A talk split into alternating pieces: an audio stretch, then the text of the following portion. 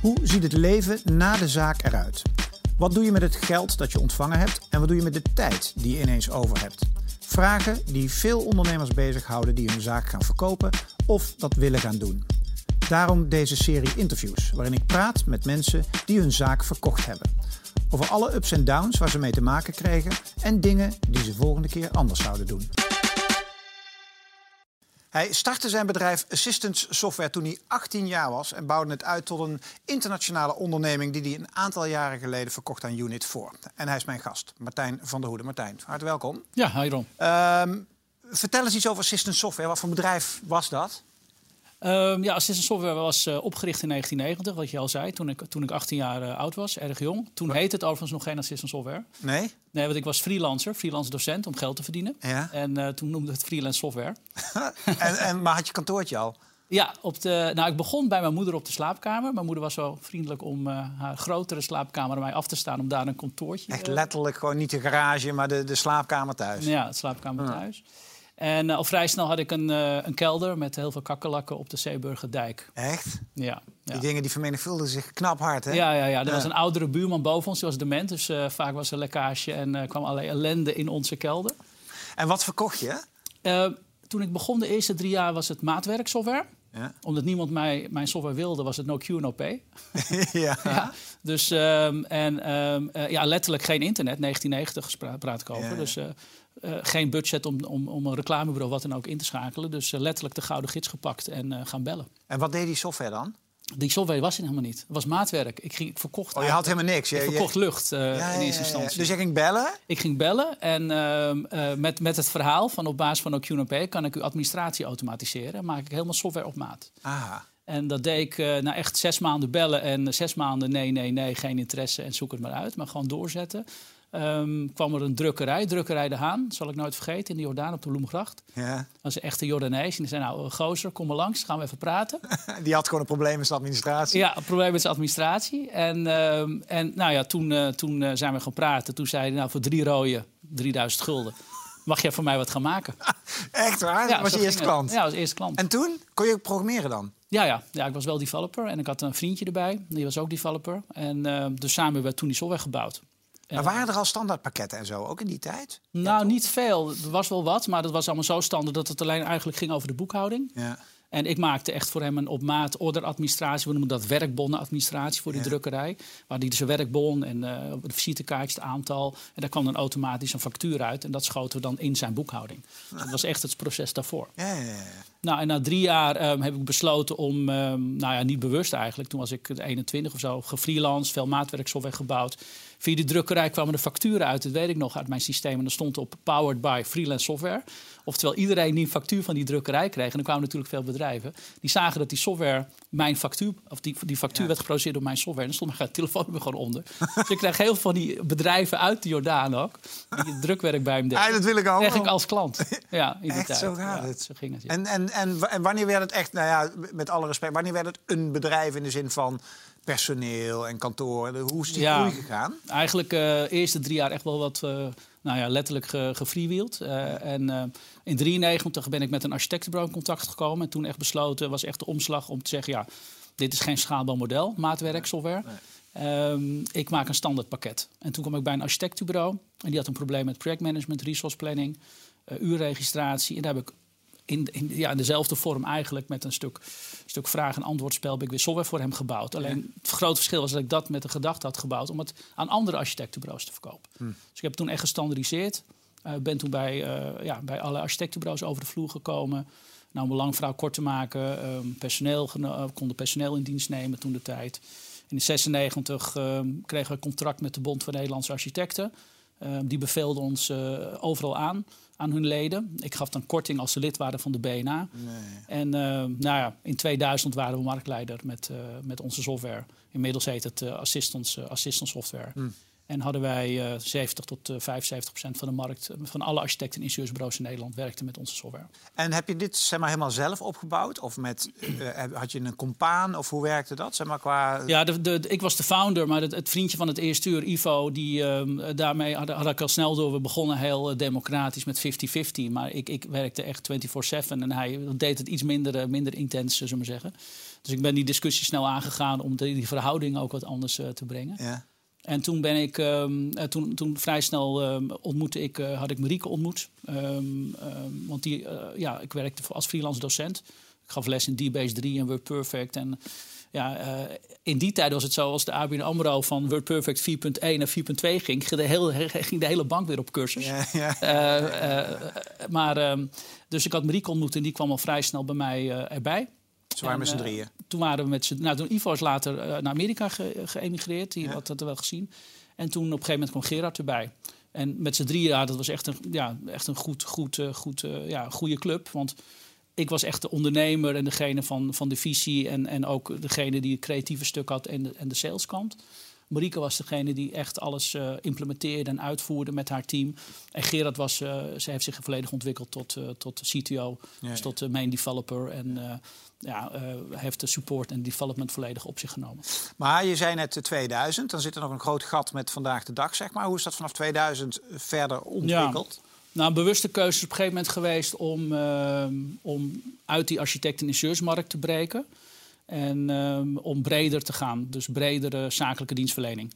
Dus we zijn toen, ik heb altijd gezegd, ik wil me wel richten op bedrijven bij tijd en kennis van de ondernemer, onderneming uh, het belangrijkste productiefactor is. Ja. Dus echt, uh, ja, we noemen dat ja, urenfabrieken, professional services, dienstverlening. Ja. Ja. Uh, maar we hebben toen verbreed naar uh, accountancy, management consultancy clubs, zeg maar de bredere zakelijke dienstverlenende markt. Ja, om dat te doen ben ik, uh, heb ik toen letterlijk uh, extra hypotheek op mijn huis genomen. Toen kon dat nog makkelijk. Um, en, om de groei te financieren? De groei te financieren. En toen zijn we echt volledig in marketing en sales gaan, gaan, gaan investeren. In het merk gaan investeren. En, um, en toen in 2000, uh, 2005, 2006... Um, heb ik toen eigenlijk uh, echt wat grotere klanten binnengehaald. KPMG, Fugro, ik had klanten binnengehaald zoals of, uh, um, uh, Eifel, Berenschot. Belangrijke klanten in die zakelijke dienstverlening. We, hebben toen een beetje dat architecten, ingenieursbureaus image, want dat hadden we best ja, ja, ja, wel, van ons afgeschud. En echt naar de brede zakelijke dienstverlening okay. gegaan. En toen noemden we het ook um, ja, PSA, Professional Service Automation. Dat was ook een term, eigenlijk de tegenhanger van ERP. Hè. Dus ERP is voor de maakindustrie en PSA voor de zakelijke dienstverlening. Okay. Ja, en toen ben ik langzaam gaan kijken naar een volgende droom. En dat was internationaliseren. Okay. En, um, Jouw kennende schat ik zomaar in dat je op het vliegtuig bent gestapt, of niet? Ja, ja, ja. we zijn letterlijk in 2000... ja, nou niet. Ik ben gewoon in 2000, uh, 2010 zijn we letterlijk gewoon... Uh, 2008, 2009 zo'n beetje zijn we de eerste studiereis naar Amerika gemaakt. Beurzen bezocht, wat is er nou aan, aan software op dit gebied... en wat zijn de collega's. En, uh, en toen dachten we uiteraard, nou ja, wat wij doen is vele malen beter dan wat daar is. Ja. Hey, ik bedoel, uh, dat is ook de kern, denk ik, van een ondernemer. Dat wat je maakt, dat vind je zo tof en zo fantastisch... dat je wil dat de hele wereld daar kennis bij maakt. Ja. En die droom had ik ook. En met name was Amerika voor mij wel een soort van droom. Ja. Um, omdat ik dacht, ja, groot land, makkelijk. Je hoeft maar één keer te vertalen in het Engels. Je zit niet met al dat gezeur in Europa met al die talen en ja. al die culturen. Wel legal-wise even dichttikken Legal-wise goed dichttikken. Dus we hebben toen op een gegeven moment hebben we in 2010 ook een LLC uh, zijn we daar gestart. Wat is dat? Uh, Zo'n BV, zeg oh, maar. Okay, maar, dan daar, ja. maar, maar, dan in de States. En, um, en zijn we echt goed gaan investeren in beurzen. Ja. Zijn toen ook Microsoft-partner geworden. Hebben het product volledig opnieuw ontwikkeld op het Microsoft Cloud Platform. Dynamics 365 heet dat tegenwoordig. Toen heette het Microsoft CRM Online. Ja. Volledig geïntegreerd met de voorkant van het proces. Dus uh, CRM, dus Sales Automation, Marketing Automation. Ja. En ik noemde dat toen de tijd van funnel to cash. Dus dat je vanuit, vanuit je lead tot opportunity... tot en met uiteindelijk de factuur die de klant betaalt in één systeem had. Ja. En dat heb ik gelanceerd in 2011. Uh, Microsoft Partners uh, geworven. Letterlijk ook zes, zeven maanden door Amerika gereisd... met als een echte Nederlandse handelsreiziger overal pitches doen... om iemand maar reseller te laten worden. En zo, het was een resellermodel ook daar? Ja, ja, toen heb ik een resellermodel gestart. En, um, ja, en toen um, hadden we op een gegeven moment um, ja, 250 resellers all over the world. Die verkochten onze software door de, door de, ja, door de hele wereld. Die deden de implementatie. Um, en wij waren het creatieve brein en het marketingbrein hier in, uh, in Nederland. En wanneer kwam het moment uh, dat jij dacht aan verkoop? Ja, verkoop is denk ik... Uh, de, de mindset voor verkoop is ook wel een hele bewuste keus. Um, allereerst word je daar als ondernemer toch wel, als je succesvol bent, meerdere malen mee geconfronteerd.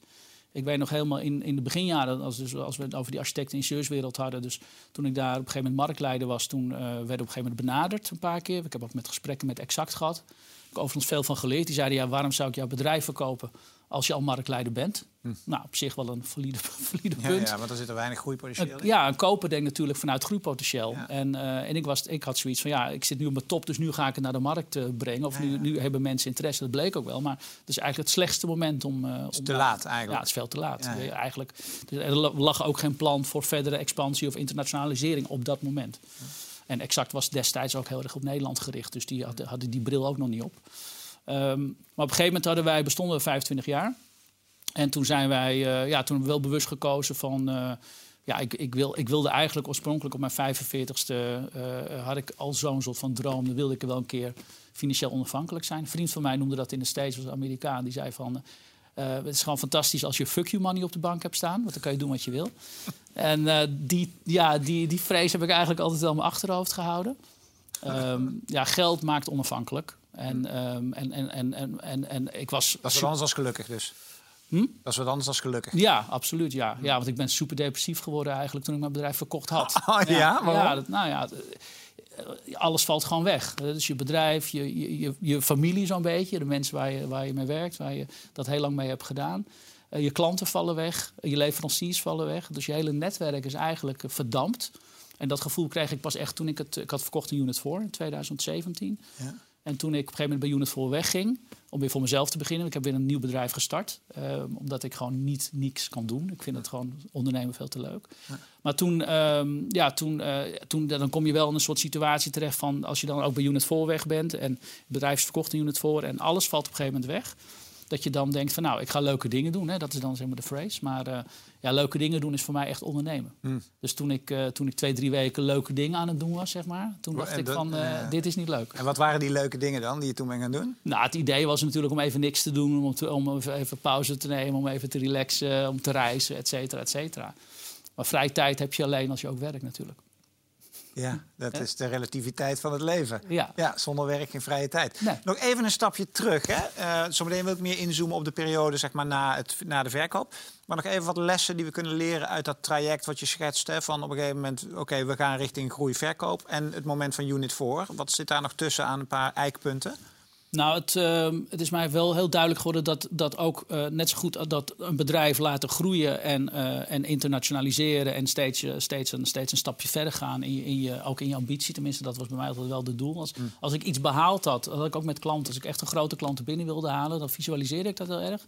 Ik schreef ze ook altijd even in mijn bloknootje. En dat ik bijvoorbeeld Eiffel wilde ik binnenhalen voor dit bedrag op die en die datum. En dat werd ook ehm, door mij echt wel geprojecteerd voor mezelf, dat dat moest gebeuren. En dan gebeurde het ook.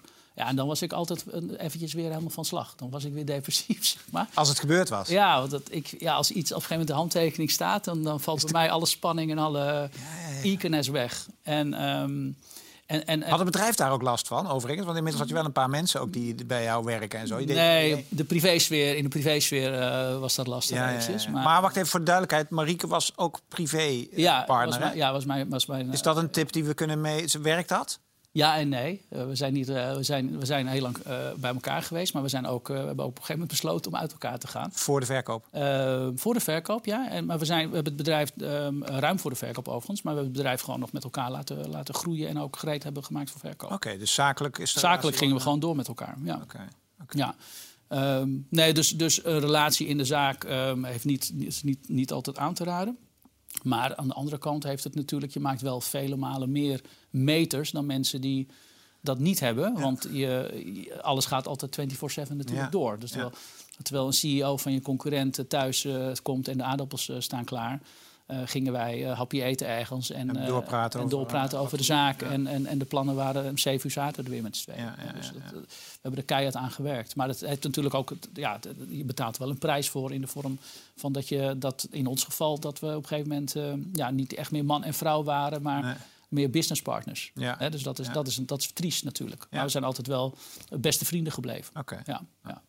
Wanneer kwam Unit 4 in beeld?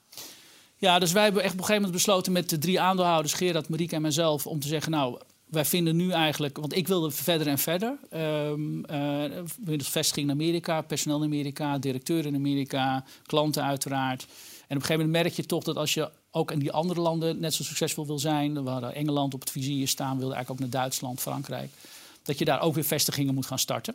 En ehm, ja, toen waren er twee mogelijkheden. We konden dat niet financieren vanuit de cashflow, alhoewel we enorme winsten maakten. Maar we, we- dat, dat, dat, ja, dat werd gewoon te begrotelijk. Ehm, dus dan zijn er twee mogelijkheden. Dat is eh, geld ophalen, venture capital.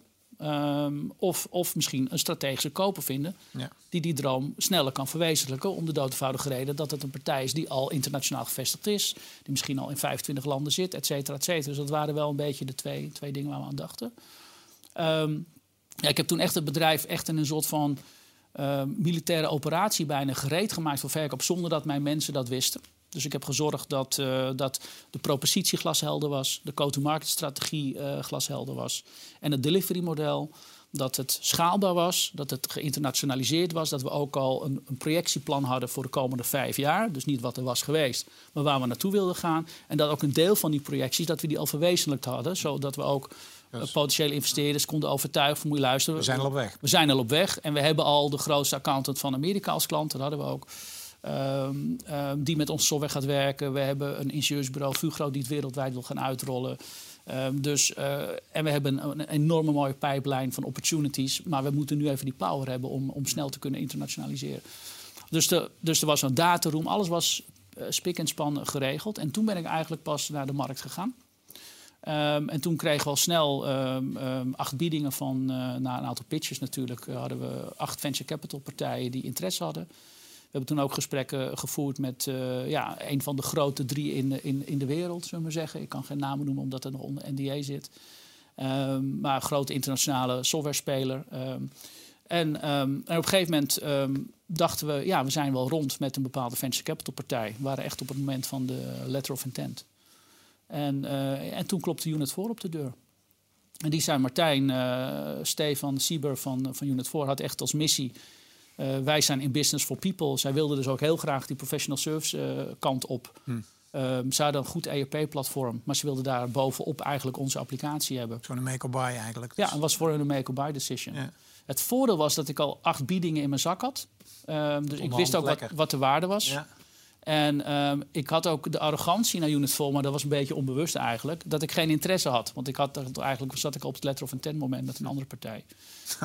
dus je maakte ze echt tering hongerig. Dat denk ik wel, ja. Ik, Ja. denk, dat het, Playing hard to get. ik denk dat het meegeholpen heeft. Ja. Ja. want ehm, ehm, op een gegeven moment heeft de, de M&A persoon van Unit 4 heeft ehm, eh, mij geprobeerd te contacten via LinkedIn. Nou, dat accepteerde ik, geen connectieverzoek mee. Op een gegeven moment kwam Steven, eh Stefan eh, eh, Sieber zelf ja, bij mij op kantoor. Hmm. De CEO van Unit 4. Oké, dan gaan we er wel serieus naar Ja, kijken. en ik En, wist eigenlijk toen de tijd, moet ik ook eerlijk zeggen, niet dat Unit 4 zo internationaal was. Maar Unit 4 is een enorme internationale Ja. speler. Eh, doen 600 miljoen euro omzet. Zit in meer dan 25 landen. Dus Stefan zei tegen mij, Martijn, je kan wel met die venture capital die stapjes gaan maken.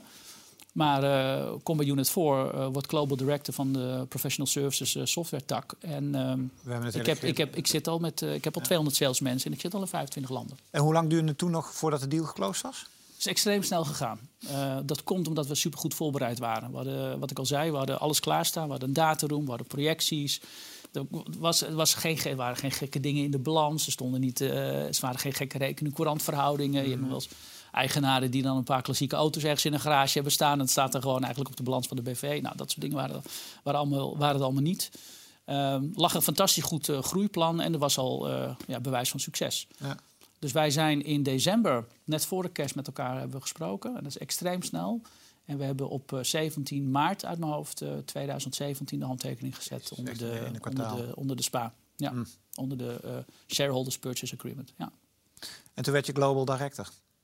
Van, eh, van, ja, voor, zo, voor, voor de professional services industrie, wat ongeveer een derde van die omzet was, Ja. was ik verantwoordelijk binnen Unit voor. Heb je trouwens ook eerst iets geks gedaan toen, het- toen het allemaal al geregeld was en je had het geld op de bank Nee. staan? Nee, nee. En nee? Nou, nee. Nee, ik heb niks geks. Ik had wel een- al heel lang een. eh, ik, we wilden heel lang eh, iets, iets, iets ruimer wonen. Dus dat, eh, eh, maar wel in, op een, in een bepaalde locatie in Amsterdam. En toevallig via via hoorde ik dat in ons het gebouw waar ik woon dat een appartement eh, te koop kwam. Oké. Dus toen, eh, maar dat is pas een jaar later gebeurd hoor. Toen Dus heb je hebt niet echt de dag nadat het geld gestort was... een of andere dikke, dikke wagen gekocht of zoiets. Dat hoor je wel eens dat ondernemers dat doen, hè? Nee, nee. Ik had op zich een leuke auto, dus nee, dat was niet, dat was niet nodig. Nee. Nee, nee, Dus was niet zo'n momentum voor jou. nee. Ah. En toen werd je global director. Was je daar blij mee? Nou, in het begin zit je nog heel erg in die flow van nou, Ja. nu gaan we natuurlijk eh, knallen, Knallen. met Unit 4. Dat hebben we ook absoluut gedaan. Ik heb de grootste opdracht ooit binnengehaald eh, voor, voor, mijn, voor Assistant Software destijds. Ja. Ehm, dat was BDO. Dus dat was voor mij eh, ook echt bewijs Van het werkt. van het werkt. We zaten toen al met BDO in de, in de, in de, was al een opportunity van ons. We zaten al bij de laatste drie, maar BDO was toen op het moment we best wel aan het twijfelen van ja, assistant software, wij zijn BDO, global company. Waarom is dat niet te risicovol? Het hangt wel erg aan, Martijn. Eh, dat, soort, dat soort teksten hoor ik wel. Dus toen die overname van Unit 4 kwam, toen, ja, toen was het ofwel eh, voor BDO was het een, net dat setje dat ze nodig hadden, of niet. Hè, dat kan ook. Dat wist ik natuurlijk niet. Ik kon niet in hun hoofd kijken. Maar dat was voor hun gelukkig het setje om met ons die deal te doen. Dus voor mij was het wel het bewijs van ja, nu je bij zo'n grotere club hoort, kan je ook echt Champions League gaan spelen. En eh, je ziet gewoon het grote bedrijven, gewoon de liefzaken om het andere grote bedrijven, om allerlei eh, goede redenen natuurlijk. Ehm, maar ja, Global Director, ehm, ik, ik, ik moest continu had ik overal conference calls en ik, ik werd met name ik, meer, meer en meer zat ik in een managementrol dan in een ondernemende rol. Ehm, Excel sheets bekijken, eh, opportunities eh, evalueren, nou, noem allemaal maar op. Dus die hele merge heb ik begeleid. Dat vond ik hartstikke mooi om te doen. Maar de, de rol op zich, het ondernemerschap bij zo'n grote corporate, is op een heel ander level dan ik gewend was. Ja, dat viel tegen. Ja, nou ja, goed. Ik, ik wilde een flat panel op mijn kamer, eh, zo'n scherm. Eh, dat had ik altijd nodig om met mijn R&D-team aan de slag te gaan.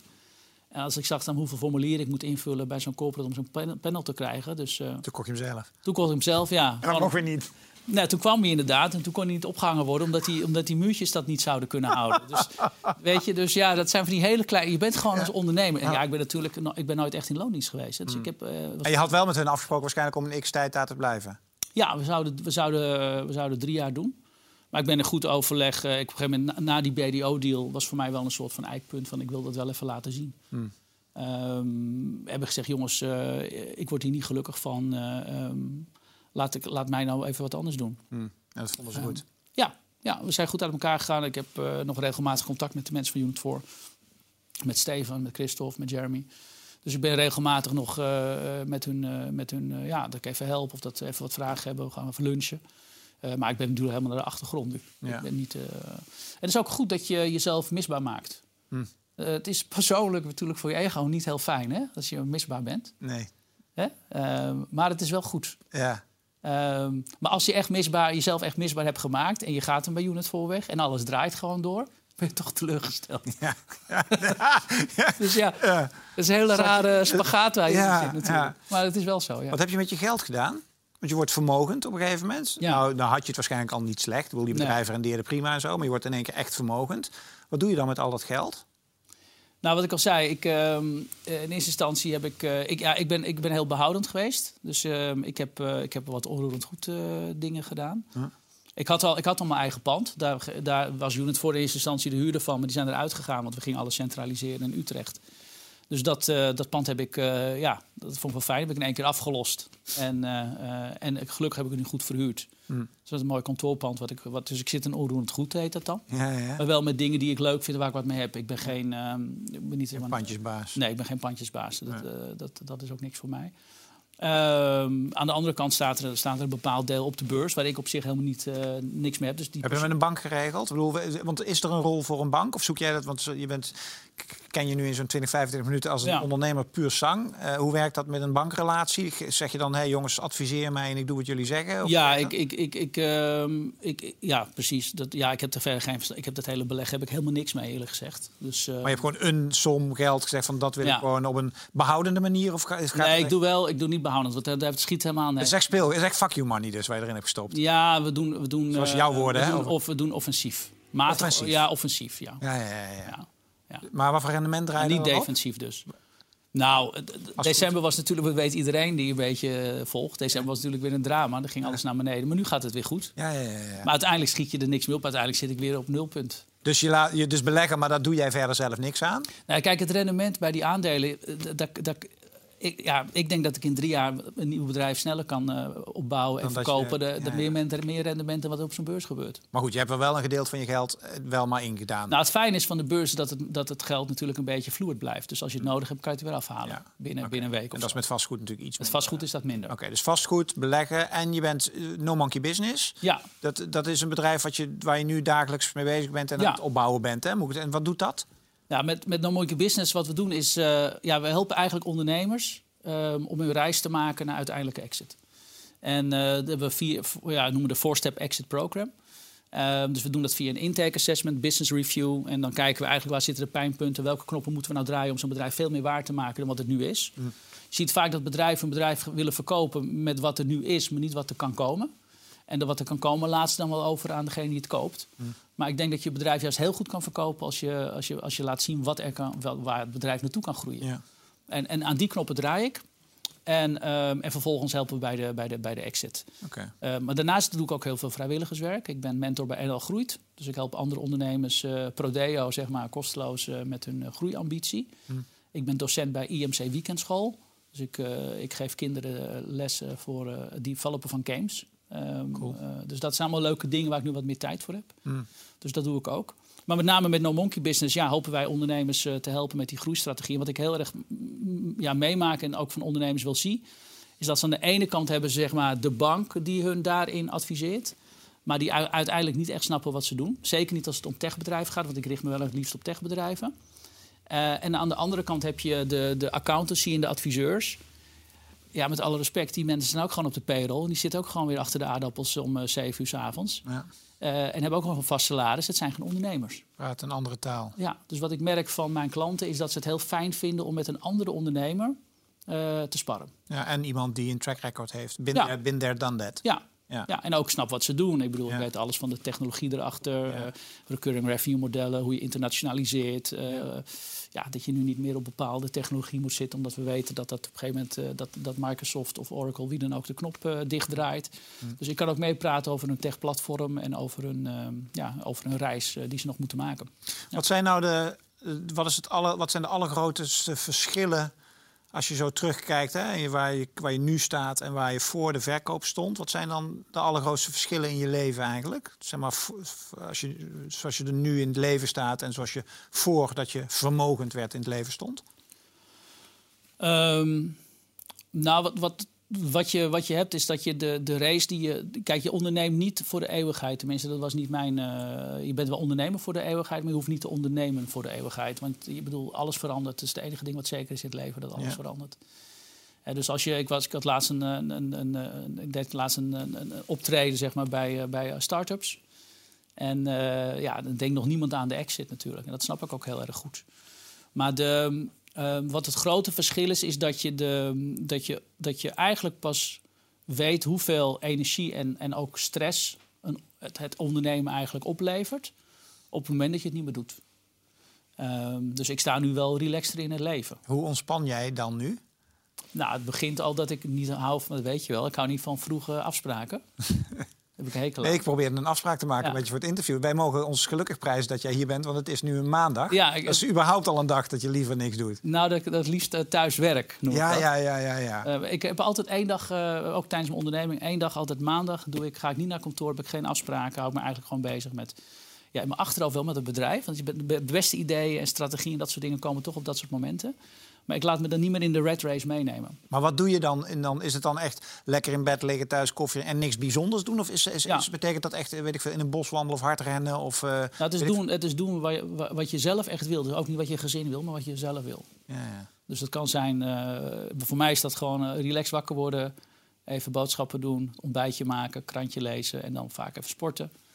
En, eh, en wat e-mail doen en wat, en wat creatieve dingen doen, wat software design. Of, maar net wat me invalt. Ja, ja. Dat is het belangrijkste, dat je doet wat je invalt. Ja.